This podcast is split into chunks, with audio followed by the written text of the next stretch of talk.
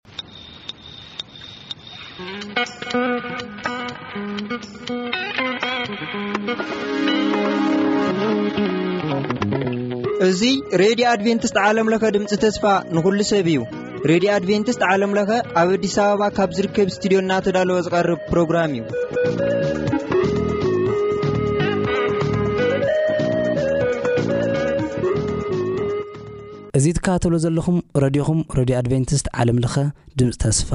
ንኹሉ ሰብ እዩ። ሕዚ እቲ ናይ ሕይወትና ቀንዲ ቁልፊ ዝኾነ ናይ ቃል እግዚኣብሔር ምዃኑ ኩላትኩም ኣይትዘንግዕዎን። እስቲ ብሓባር እነዳምጽ።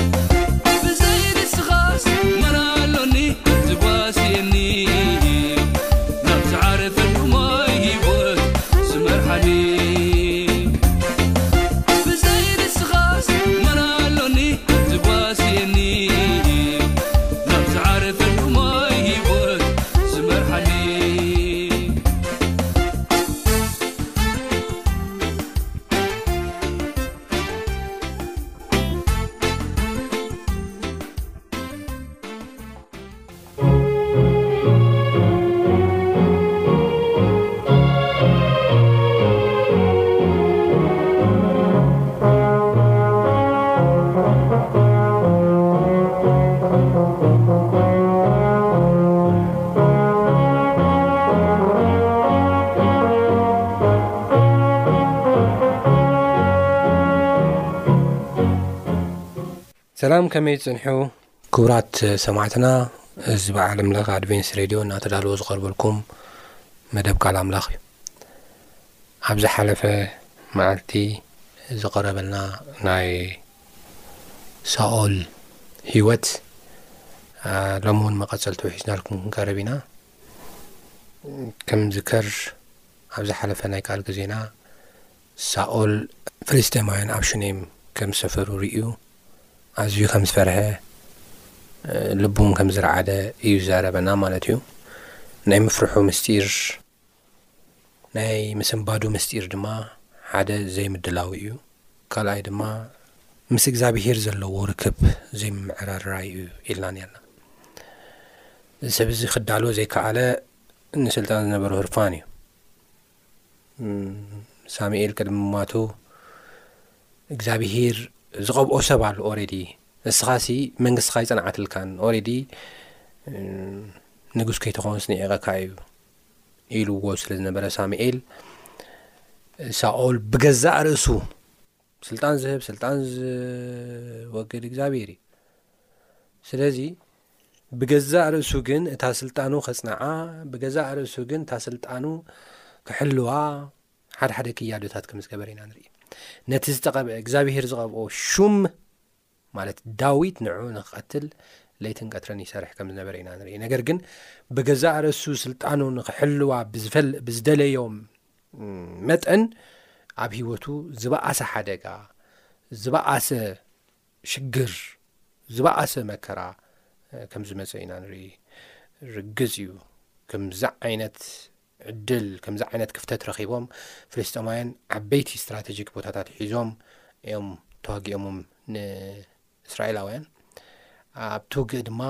ከምቲ ኣብ ዝሓለፈ እውን ንእሸይ ክጠቕሶ ከም ዝፈተንኩ ዳዊትን ሰለስተ ደቁን ብሓንሳብ ኣብ ሓደ መዓልቲ ምስ ጋሻ ዛግሪኡ ወይ ድማ እቲ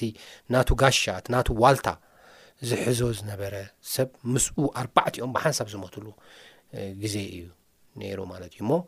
ብጣዕሚ ዝሕዝን ኣጋጣሚ ዩ ነይሩ ዝሕዝን ኣጋጣሚ ዩ ነይሩ ምክንያቱ ካብ እግዚኣብሄር ርሒቕና ብገዛእ ርእስና ስልጣንና ብገዛእ ርእስና ሂወትና ንክንሕልዋ ብዝደነላሉ መጠን ዓበይቲ ሓደጋታት ኣብ ሂወትና ከም ዝመፁና ዘር እዩ ኣብ ክንዲ እግዚኣብሄር ምእዛዝ ናይ ገዛእ ሓሳብና ናይ ገዛእ ድሌትና ናይ ገዛእ ትልምናን ክንገብር ከለና ዓበይቲ ሓደጋታት ከም ዝበፅሓና እዩ ዘርኢ ማለት እዩ እሞ ሳኦል በዚ መልክዕ እዚ ከም ዝፈርሐ ኢና ንርኢ ሳኦል ከምዚ ዓይነት ቅንኢ ሽርሒ እናገበረ ጭራሽ ከምዚ ዓይነት ሓደጋ ከጋጥሞ ከሎ ኣብ ሽኔም ክሰፍሩ ከሎ እስትራተጂክ ቦታታት ክሕዙ ከሎ ከይሓፈረ ከይሓፈረ ናብ እግዚኣብሔር ከም ዝቐረበ ኢና ንርኢ ርድኣ ንክብል ማለት እዩ ኣብ ክንዲ ኣብ ትሕቲ እግዚኣብሄር ብትሕትና ኣብ ክንዲ ምቕራብ ብንስሓ ኣብ ክንዲ ምቕራብ ብውርደት ኣብ ክንዲ ምቕራብ ነገር ግን ንሱ ኣድሕነኒ ንምባል ከም ዝቐረበ ኢና ንርኢ ብከምዚ መንገዲ ሳኦል ተዝቐርብ ነይሩ ኣብ ቅድሚ እግዚኣብሄር እግዚኣብሄር ሕሊፉ ኣይምሃቦን ነይሩ እግዚኣብሄር ሕሊፉ ኣይምሃቦን ነይሩ ዓብዪ ኣምላኽ ኢና ንምልኽ ዘለና ንሕና ንገዛእ ርእሱ ኣሕሊፉ ኣይምሃቦን ንገዛእ ጥበቡ ነቲ ዝምክሓሉ ነገር ኣሕሊፉ ኣይምሃቦን ነይሩ እግዚኣብሔር ብትሕትናን ብንስሓን ብውርደትን ኣብ ቅድሚ እግዚኣብሄር ነቲ ህዝቢ ሒዙ ተዝቐርብ ነይሩ ከምዚ ዓይነት ሓደጋ ኣብ እስራኤል ኣይምበፅሐን ነይሩ እቶም ዝነገርዎ ፀላእቲ መፁኻ ኣለዉ ተሓባቢሮም እዮም ዝመፁኻ ዘለዉ ብዝሒ ኣለዎም መሳርያ ኣለዎም ድማ እስትራተጂክ ቦታታት ሒዞም እዮም ምንም ክትገብሮ ትኽእል ነገር የብልካን ወዮ ኢሎም ክነግርዎ ከለዉ ዮስያስ ዝገበሮ ነገር ከም ሳኦል ኣይኮነ ናብ ጥንቆላ ኣይኮነን ከይዱ ናብ ቅድሚ እግዚኣብሄር እዩ ተደፊ እዩ ነቲ ህዝቢ ሒዙ ንስሓ ይኮዩ ኣትዩ ኣብ ቅድሚ እግዚኣብሄር እዩ ሓመድን ክሻን ነስኒሱ ኣድሕነና ኢሉ ኡይ ኢሉ ርግፅ እዩ ኣብዚ ግዜ እዚ ከም ንጉስ እንተተተለዉ እኳ ምንም ዘድምዖ ነገር ምንም ዝልውጦ ነገር ከምዘየለ ፈሊጡ እዩ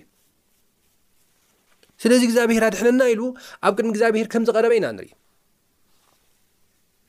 ነቲ ህዝቢ ሒዙ ነቢዑ ነቶም በዓል ስልጣናት ሒዙ ነቢዑ ጎይታ ድሕነና ኢሉ ንስሓኣት እዩ ብትሕዝና ናብ እግዚኣብሄር ቀሪቡ ኣብ ዝተወደ ብናይ ሰባት ተሓሳስባ ኣብ ዝተወደ ኣብ ውዱእ ነገር ምንም ተስፋ ኣብ ዘይብሉ ነገር እቲ ሓያል እቲ ዘነንቕ እቲ ፍቕሪ ዝኾነ እቲ ጸሎት ሰምዕ ኣምላኽ ግን ካብ ሰማያ ሰማያት ጸሎቱ ከም ዝሰምዑ ኢና ንርኢ ካብ ሰማያ ሰማያት ጸሎቱ ሰሚዑ ድማ መልእኽቲ ብነብያቱ ገይሩ ከም ዝለኣኸ ኢና ንርኢ እንታይ ኢልዎ ንዮሳፋት እዮስያስ እናበልኩ ነረ ንዮሳፋት እዩ እሞ እንታይ ኢልዎ ውዝር ዓሰርተ ክልተ ትሒዘ ከንብበልኩም ካልኣይ ዜና ምዕራፍ ዕስራ ፍቕዲ ዓሰርተ ክልተ ትሒዘ ከንብበልኩም ዎ ኣምላኽን ኣይትፈርዶምን ዲኻ ንሕና ሳብ ቅድሚ እዚ ዝመፃና ዘሎ ዓባእ ጭፍራ ሓይሊ የብልናን እንታይ ከም ንገብር ኣይንፈልጥን ኢና ኣዒንትና ግና ናባኻ ይጥምታ ኣለዋ ብዘሎ ይሁዳ ከዓ ምስ ህፃናቶም ኣንስቶም ደቆምን ኣብ ቅድሚ እግዚኣብሄር ደው ኢሎም ነበሩ ሽዑ ኣብ ማእከልታ ማሕበር ኣብ ልዕሊ ያሒዛኤል ወዲ ዘካርያስ ወዲ በናያ ወዲ የዔል ወዲ ማታንያ ወዲ እቲ ሌዋዊ ካብ ደቂ ኣሳፍ መንፈስ እግዚኣብሄር ኣብኡ መፀ ንሱ ድማ በለ፣ ኣቱም ሰብ ኵላ ይሁዳ፣ ኣብ የሩሳሌም እትነብሩን ንስኻ ንጉስ ዮሳፋጥ፣ ስምዑ፣ እግዚኣብሄር ከምዚ ይብለኩም ኣሎ፣ እቲ ውግእ ናይ ኣምላኽ እዩ እምበር ናታትኩም ኣይኰነን፣ ኣብ ቅድሚ እዚ ዓብዪ ጭፍራ ኣይትፍርሁን ኣይትሸበሩን። ጽባሕ ውረድዎም፣ እነሆ በቲ ዓቐበት ጺጽ ይድይቡ ኣለዉ ኣብ ቅድሚ እቲ በረኻ ዩርኤል ኣብ ወሰን እቲ ለሰ ክትረኽብዎም ኢኹም እቲ ይሁዳን ኢየሩሳሌምን ንስኻት ኣቱም ይሁዳን ኢየሩሳሌምን ንስኻትኩም እሲ ኣብዚ ኣይክትዋግኡን ኢኹም ንቕድሚት ኣቢልኩም ደኣ ደው በሉ እሞ እቲ ምድሓን እግዚኣብሔር ምሳኻትኩም ከም ዘሎ ረኣዩ ኣይትፍርሁን ኣይትሸበሩን ከኣ ጽባሕ ኣብ ቅድሚያም ውጹ እግዚኣብሔር ድማ ምሳኻትኩም እዩ ሽዑ የሳፋጥ ብገጹ ናብ ምድሪ ፍግም በለ ብዘሎ ይሁዳ ኣብ ኢየሩሳሌም ዝቕመጡ ዝነበሩን ከኣ ንእግዚኣብሔር ክሰግድሉን ኣብ ቅድሚ እግዚኣብሔር ብገጾም ተደፍኡ እቶም ሌዋውያን ካብ ደቂ ሃዳውያን ካብ ደቂ ቆራሕውያን ድማ ንእግዚኣብሔር ኣምላኽ እስራኤል ኣዝዩ ዓው ብዝበለ ድምፂ ከመስግንዎ ተንስኡ ንፅባሒቱ ኣንጊሆም ተንሲኦም ንፅባሒቱ ከዓ ኣንጊሆም ተንሲኦም ናብቲ በረኻ ተቋዓወፁ ክወፁ ከለዉ ከዓ ዮሳፋት ደው ኢሉ በሎም ኣቱም ይሁዳ ኣብ የሩሳሌም ትነብሩን ስምዑኒ ብእግዚኣብሔር ኣምላኽኩም እመኑ እሞ ጽኑዓት ክትኮኑ ኢኹም ብነቢያት እመኑ እሞ ጽኑዓት ክትኮኑ ኢኹም ብነቢያትውን እመኑ እሞ ክቐንዓኩም እዩ ኢሉ ከም ዘበራታትዑም ኢና ንርኢ ሕጂ ዚ ዮሳፋት ዝገበሮ ሰለስተ ነገራት ኢና ንርኢ ሓደ ጸሎት ኣብ ቅድሚ እግዚኣብሔር ብትሕትና ቀሪቡ ንስሓ ክኣቱ ከሎ ኢና ንርኢ ነቲ ህዝቢ ሒዙ ናብ እግዚኣብሔር ቅረቡ ኢሉ ነቲ ህዝቢ ሒዙ ናብኡ ክቀርብ ከሎ ኢና ንርኢ ጸሎት ኣብስ ውዱ ነገር ንገብሮ ምንም ነገር የብልና እንታይ ከም ንገብር ኣይንፈልጥና ኢሉ ኣብ ቅድሚ እግዚኣብሔር ከም ዝቀረበ ኢና እግዚኣብሔር ካብ ኩሉ ነገር ዝደልዮ ነገር ተሃለወ እንታይ እዩ ኦነስቲ እዩ ንሕልናና እሙናት ክንከውን ኣለና ክንሽንግል ሸንገልቲ ክንከውን የብልና ንሕልናና ባዓልና ነታሎ ክንከውን የብልና ሓቂ ክንዛረብ ኣለና ኣብ ቅድሚ እግዚኣብሔር ብሓቂ ክንቀርባልና እቲ ሓቂ ክንዛረብ ክንከል ኣለና ሓቂ እዩ ተዛሪቡ ንስሓ ኣትዩ ኣነ ዝኽእሎ ነገር የብለይን ኢሉ ከም ዝቐርበብ ቅድሚ እግዚኣብሔር ኢና ርኢን ካልኣይ እቲ ህዝቢ እቲ ህዝቢ ምስ ነስሓ ምስ ኣትወ ናይ እግዚኣብሔር መልእኽቲ መፅ ኣሎም ናይ እግዚኣብሔር መልእኽቲ መሰምፅእሉ ምስ መፀሎም ከዓ እንታይ ገይሩ ንእግዚኣብሔር ኣመስጊኑን ኣሚኑን ብእግዚኣብሔር ኣሚኑን ኣመስጊኑን ክብርና ኣምላኽ ይኹን በርቲዑ ደው ኢሉ ፈሪሑ ዝነበረ ብትሕትና ናብ እግዚኣብሔር ዝቐረበ ሰብ ድሓር ግን በርቲዑ ደው ኢሉ ኣሚኑ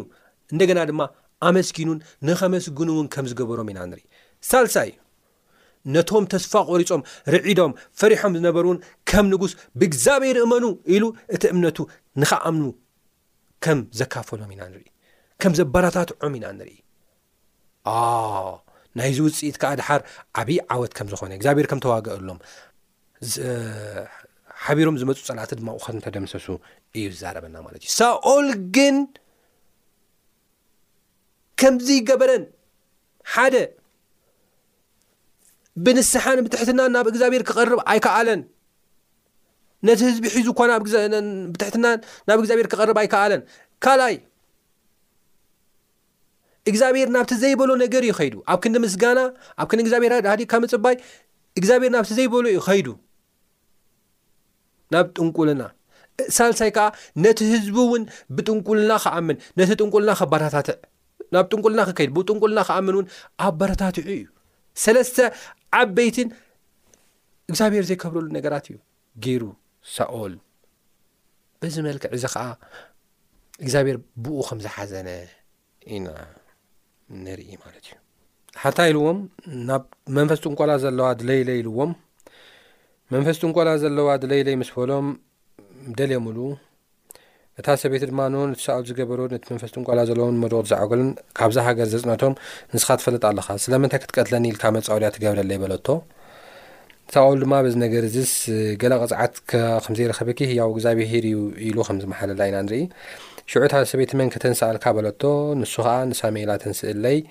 በላ እታ ሰበይቲ ኸኣ ንሳሙኤል ምስ ረኣየቶ እታ ሰበይት ንሳኦል ንሳኦል ሳኦል ክነስኻ ደኣ ስለምንታይ ዝጸበርካኒ ኢላ ዓው ኢላ ጨደረት እቲ ንጉስከ ኣይትፍርሂ፣ እንታይ ግዳ ትርኢ ኣሎኺ? በላ። እታ ሰበይቲ ድማ ንሳኦል፣ ሓደ ኣምላኽ ካብ ምድሪ ክወጽእ እርኢ ኣሎኹ፣ በለቶ። ንሱ ኸኣ፣ ትርኢቱ ብኸመይ ዝበለ እዩ? በላ። ንሳ ድማ፣ ባርኖስ ዝተኸድነ ኣረጊት ሰብኣይ ይወጽእ ኣሎ፣ በለት። ሽዑ ሳኦል፣ ንሱ ሳሙኤል ምዃኑ ፈሊጡ፣ ብገጹ ናብ ምድሪ ተደፊኡ ሰገደ። ሳሙኤል ድማ ንሳኦል ስለምንታይ ኢኻ እቲ ተንስኣኒ ዘዕገርገርካኒ በሎ ሳሙኤል ከኣ ኣነ ኣዝዩ ጸቢብኒ ኣሎ ፍልስጥኤማውያን ድማ ይዋግኡኒ ኣለዉ እግዚኣብሔር ድማ ረሓቐኒ ብነቢያት ኮነ ብሕልምታት ኮነ ኣይመለሰለይን ስለዚ ኸኣ እቲ ዝገብሮ ክነገረኒ ዘዋዕኻ በሎ ሳሙኤል ድማ በለ እግዚኣብሔር ካብ ረሓቐካ ጸላእ ካብ ኮነ ከኣ ስለምንታይ ትጥይቐኒ እግዚኣብሔር ከምቲ ብኣይ ዝተዛረቦ ገበረ እግዚኣብሔር ከኣ ነታ መንግስቲ ካብ ኢድካ መንቲሉ ንብጻይካ ንዳዊት ሂብዎ እዩ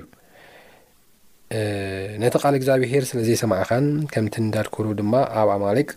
ስለ ዘይገበርካን ስለዚ እግዚኣብሄር በዛ መዓልቲ እዚኣ እዚ ነገር እዚ ገበረካ ኢሉ ከም ተዛረቦ ኢና ንርኢ ኣብዚ ሓሳብ እዚ ከይና ኣብ ንርእሉ እዋን እታ ሰበይቲ ምስ ሰይጣን ቃል ኪዳን ተኣታተወት እያ ናይ ሰይጣን ኣገልጋሊት እያ እዛ ናይ ጥንቆልና ናይ ሰይጣን ኣገልጋሊት ወይ ድማ ናይ ሰይጣን ጠንቆልቲ ምሎም ናይ ሰይጣን ኣገልገልቲ እዮም ናይ እግዚኣብሔር ኣገልገልቲ ይኮን ካብ እግዚኣብሔር ፍቓድ ወፃ እዩ ሰይጣን ንምክባር ናይ ሰይጣን ስራሕ ንምክባር ምስ ቃል ኪዳን ዝኣተወት ኣገልጋሊት እያ እዛ ሰብ እዚኣ ብዝኾነ እግዚኣብሔር እውን ጠንቆልቲ ኣጥፍእዎም ኢሉ ተዛሪቡ ነይሩ እዩ እንዲያም ኣብ ዘዛኣት መራፍ ስራን ክልተን ፍቕዲ ዓስር ሸሞንተ ከይድና ንሪእኣሉዋን ንጠንቋሊት ብህወት ኣይትሕደጋ ይብል ዘጸኣት ምዕራፍ ዕስራን ክልተን ፍቕዲ ዓሰርተ ሸሞንተ ኸይናም ርእየሉዋን እሞ ጠንቆልቲ እግዚኣብሔር ዘየኽብሩ ናይ ሰይጣን ኣገልገልቲ ከም ዝኾኑ እዩ ዝዛረበና ማለት እዩ ኣብዚ መጽሓፍ ቅዱስ ከይና ንርኢ ኣሉዋን እንተኾነ ግን ሳኦል ናብኡ ከም ዝኸደ ኢና ንርኢ ሕጂ ንሳ እቲ ትገብሮ ናይ ጥንቁልና ስራሕ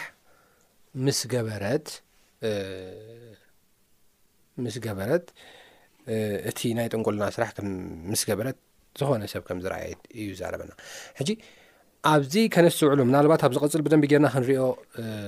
ዝደሊ ሓሳብ ኣሎ ወይ ድማ ብደንቢ ክመለስ ዘለዎ ሓሳብ ኣሎ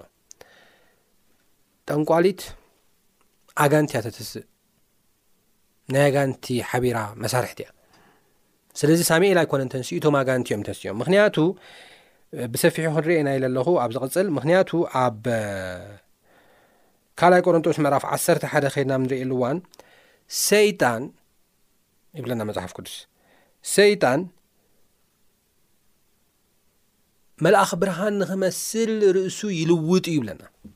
መልኣኽ ብርሃን ንኽመስል ርእሱ እንታይ ይገብር እዩ ይልውጥ እዩ ከምብቦ ይደሊ ኣብ ካልይ ቆሮንቶስ መራፍ 1 ሓደ ፍቅዲ 14 ከይና ንርኢ ኣለዋን ሰይጣን እኳ ንርእሱ ንመልኣኽ ብርሃን የምስል እዩሞ እዚ ኣየገርምን ይብለና መልኣኽ ብርሃን ከምስል እንታይ ይገብር እዩ የምስል እዩ ስለዚ ኣብዚ እታ ጠንቋሊት ተትስእሉ ዘላ ሰብ ንሳሚኤል ዝመስል ኣጋንንቲ እምበር ሳሚኤል ኣይኮነን ንሳሚኤል ዝመስል ብኹሉ ነገሩ ምምሳል ይኽእል እዩ ሰይጣን ብኹሉ ነገሩ ዝመስል ኣጋንቲ ወይ ድማ ሰይጣን እምበር ሳሚኤል ኣይኮነትን ብክልተ መልክዕ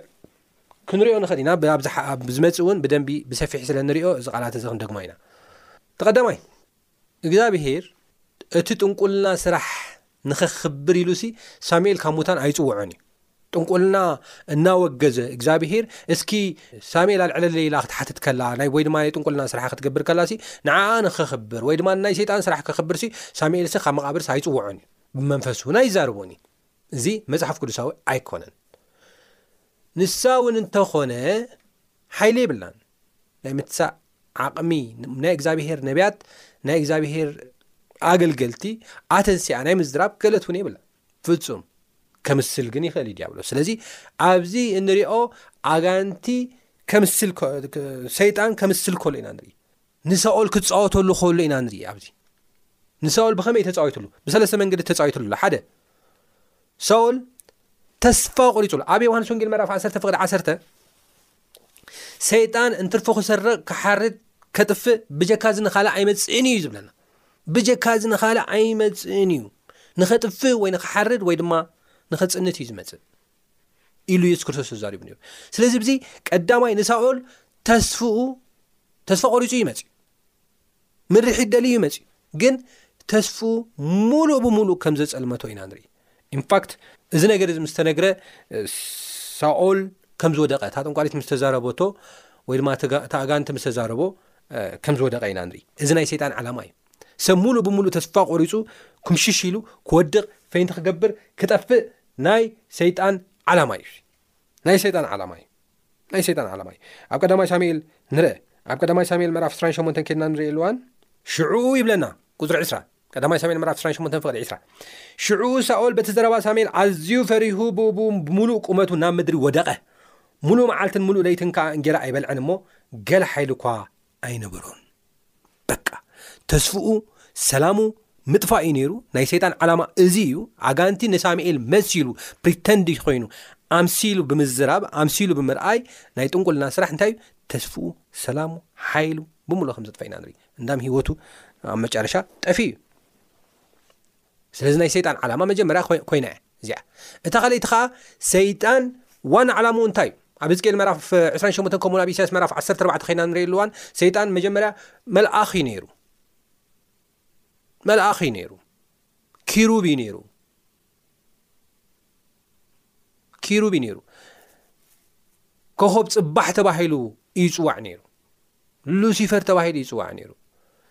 ነገር ግን ብመልክዑ ስለ ዝተዓበየን ኣምልኾ ስለ ዝደለየን ግን ከም ዝወደቐ ኢና ንርኢ። ወዲቑ ግን እዚ ድሌቱ ኣይጠፍአን። እዚ ድሌቱ እዚ ኣይጠፍአን። ኣብ ማቴዎስ ምዕራፍ ኣርባዕተ ኸይና ንርእየሉ እዋን እንታይ ኢልዎን የሱስ ክርስቶስ ብዘላ ኣከባቢ ኣርኣዮ እሞ ፍግም ኢልካ እንተ ሰጊድካለይ እዚ ኹሉ ክበካያ እየ ከም ዝበሎ ኢና ንርኢ። ስግደት እታ ዋና ናይ ሰይጣን ድሌት ከም ዝኾነት ኢና ንርኢ። ስግደት ክቕበል ኣምልኾ ክቕበል ይደሊ። ሳኦል ከኣ ኣብዚ ግዜ እዚ ሰጊድሉ እዩ። ነታ ሰበይቲ ይኮነ ንዓኣ ንዕኡ ሰጊድሉ እዩ። ኣብ ዝቕጽል እውን ክንርኢ ኢና ሰጊድሉ እዩ። ንዕኡ እተሰውአ መስዋእቲ ነጋንቲ ተሰውአ መስዋእቲ እውን በሊዑ እዩ። ኣብ ዝቕፅል ብደንቢ ጌርና ክንሪኦ ኢና ስለዚ ሰጊድሉ እዩ እታ ሳልሳይ ካብ እግዚኣብሄር እውን ፈልይዎ እዩ ድሕሪ ዚ እኳ ንባዕሉ ድሕሪ ዚ እኳ ንባዕሉ ድሕሪ ጠንቋሊት ምዃዱ እኳ ንባዕሉ ንስሓ ክኣቱ እናክኣለ ሳኦል ንስሓ ግን ክኣቱ ይከኣል ንስሓ ከይኣተወ እዩ ናብ ጦርነታት እዩ እዚ መልእኽቲ ናይ ሰይጣን ሒዙ ተቐቢሉ እዩ ኸይዱ ከምቲ ሰይጣን ዝበሎ ድማ ሰይጣን ኣብ ጊልቦዓ ኣብቲ ናይ ውግእ ቦታ ምስ ደቁ ከም ዘጥፍኦ ኢና ንርኢ ማለት እዩ ስለዚ ክቡራት ሰማዕትና ኣብ ናይ ሎም ዓንቲ ናይ ቃል ግዜና ክብሎ ዝደሊ ነገራት ኣሎ ተቀዳማይ ሰይጣን ኩሉ ግዜ ንተሓተትናዮ ወይ ድማ ብ እግዚኣብሔር ቦታ ዘቕረብናዮ ጸሎት ደንጉዩ ካልእ ኣማራጺ ንክንደሊ የባራታትዓና እዩ የርእየና እዩ ካልእ ኣማራጺ ዝሓሸ ነገር ኣሎ፣ ዝሓሸ ነገር ድለ፣ ኣብኡ ዝሓሸ ነገር ኣሎ፣ ዝሓሸ ነገር ክትረክብ ኢኻ ኢሉ እዩ ዘርእየና። ከምኡ ኢሉ የእሚንዎ። መጀመርያ ናብ እግዚኣብሔር ዝሓተተ ሰብ ድሓር ኣይተመለሰለይን ስለዚ ዝሓሸ ነገር እስከ ክደሊ ኢሉ ከም ጥንቁልናን ናይ ሰይጣን ኣሰራርሓን ካብ እግዚኣብሄር ዝወፀ ነገርን ዝሓሸ ክኸውን ኣይክእልን እዩ መጥፍኢ ህወት እዩ ናይ መጀመርያ መልእክቲ ናብናይ ሎም መዓንቲ መጥፍኢ ህይወት እዩ መጥፍኢ ህይወት እዩ ሳኦል ጠፍኢ እዩ ህይወቱ ሎሚ እውን ካብ እግዚኣብሄር ወፅና ኣንፃር እግዚኣብሄር እግዚኣብሄር ናብ ዘይፈቅዶ ነገር ክንከይድ ከለና ሂወትና እዩ ዝጠፍእ እምበር ካልእ ኣይኮነን ሂወትና እዩ ዝመሳቃቀል እምበር ካልእ ኣይኮነን ዝሓሸ ነገር ካብ እግዚኣብሄር ወፃኢ የለን እቲ ዝሓሸን ዝበለፀን እግዚኣብሄር እዩ ናይ እግዚኣብሄር ፍቃድ ምፍፃም እዩ ናይ እግዚኣብሄር ትእዛዝ ምፍፃም እዩ እሞ ክንጥንቀቕ ይግብኣና እዩ። ካልኣይ እግዚኣብሄር ዓብይ እዩ፣ ኣብ ውዱእ ነገር እኳ ከድሕነና ዝኽእል ጎይታ እዩ። ስለዚ ናብ እግዚኣብሄር ንቕረብ፣ ንእግዚኣብሄር ድማ ንጸበዮ ንእግዚኣብሄር ድማ ንጸበዮ ብናይ ሰይጣን መምሰሊ ስራሕት ብኡ ክንታለል ኣይግባእናን እዩ ኣዒንትና ኣብ ቃል እግዚኣብሄርን ኣብ ቃል እግዚኣብሄርን ጥራሕ ክንክኸውን ይግባእና ልብናን ኣእምሮና ንእግዚኣብሄርን ንእግዚኣብሄርን ጥራሕ ክኸውን ይግብኡ እዩ እሞ እዚ ክንገብር እግዚኣብሄር ጸጉኡ የብዝሓልና ኣብ ዝቅጽል ናይዚ መቀጸልታ ሒዘልኩም ክቀርብ እየ ክሳብ ዝቅጽል ሰላም ኩኑ ጎይታ ይባርኩም።